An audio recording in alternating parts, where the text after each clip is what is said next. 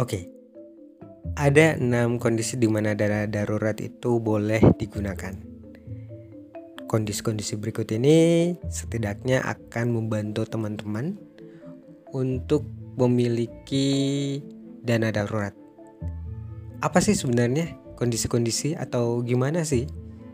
Dalam kondisi apa dana darurat itu boleh digunakan? Secara harfiah, dana darurat itu adalah kondisi di mana kamu uh, membutuhkan dana, membutuhkan uang saat kondisi kamu berada pada kondisi yang benar-benar darurat. Nah, ini ada enam di mana kamu boleh menggunakan dana darurat. di mana kamu boleh menggunakan dana darurat. Yang pertama adalah e, menghindari hutang. Jadi, fungsi dari dana darurat adalah kamu diajak untuk tidak bergantung pada utang atau tidak langsung kepikiran soal hutang atau mau hutang ke mana, mau hutang di mana, mau hutang sama siapa itu enggak. Jadi di mana kamu punya dana darurat, kamu bisa menggunakan uang darurat kamu untuk dikeluarkan pada satu kondisi yang benar-benar darurat. Yang kedua adalah hmm, kehilangan pekerjaan. At least banyak banget yang hari ini uh, kehilangan pekerjaan, kehilangan pemasukan, kehilangan pendapatan, tapi ada satu hal yang selalu saja sama, yaitu pengeluaran. Nah, uh, dengan hilangnya pekerjaan, maka tidak ada lagi pemasukan dan tidak akan ada lagi pengeluaran. Sederhananya kayak gitu. Kan? Nah pengeluaran itu tetap sebenarnya. Kita akan selalu mengeluarkan uang untuk uh, membelanjakan sesuatu. Jadi kehilangan pekerjaan dengan memiliki dana darurat setidaknya menopang atau menolong kita untuk bertahan pada 3, 6 atau 12 bulan ke depan. Jadi penggunaan dana darurat itu penting banget saat kamu kehilangan pekerjaan dan kamu diharapkan bisa bekerja lagi sebelum dapat pekerjaan itu kamu bertahan dari dana darurat. Terus yang ketiga ya, yaitu musibah saat sakit. Dengan catatan kamu hmm, apa ya? Kamu nggak punya asuransi. Jadi dana darurat itu mengcover atau menolong kamu saat ada musibah sakit dan kamu bisa menggunakan uang tersebut untuk mengcover atau menanggulangi kondisi di mana harus bayar ini itu dan lain sebagainya.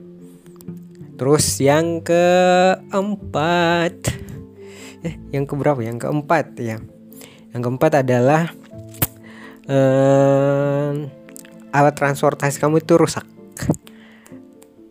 motor misalnya barangkali tiba-tiba ada yang rusak dan kamu butuh uang ya kamu nggak harus pergi ngutang kamu nggak harus nyari pemasukan lewat apa gitu tapi kondisi di mana hari itu juga harus diperbaiki ya udah gitu.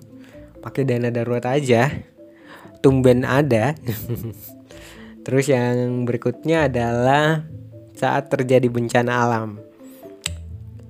Uh, saat terjadi bencana alam ini kondisi di mana semua orang akan kehilangan harta benda.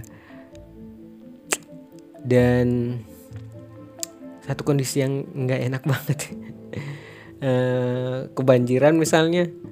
Dengan catatan kamu memang nggak punya ini uh, asuransi insurance kebanjiran gitu. Nah kamu bisa pakai itu dana darurat untuk menopang hidup. Terus yang ke berikutnya yang terakhir adalah uh, tiba-tiba ada kebutuhan yang mendesak.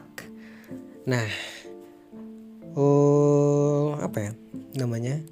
Kebutuhan orang itu kan kebutuhan mendesak orang itu nggak bisa dikira-kira. Jadi saat dia datang, hari itu juga harus dibayarin, harus ditanggulangi, harus dilunasin. Maka yang bisa mengcover semua itu adalah dana darurat, bukan orang lain. Nah, dari keenam kejadian itu, kondisi itu, maka kamu selayaknya harus punya dana darurat. Kalau ditanya seberapa penting punya dana darurat, menurut hemat saya sih sangat amat penting, apalagi buat kamu yang udah kerja.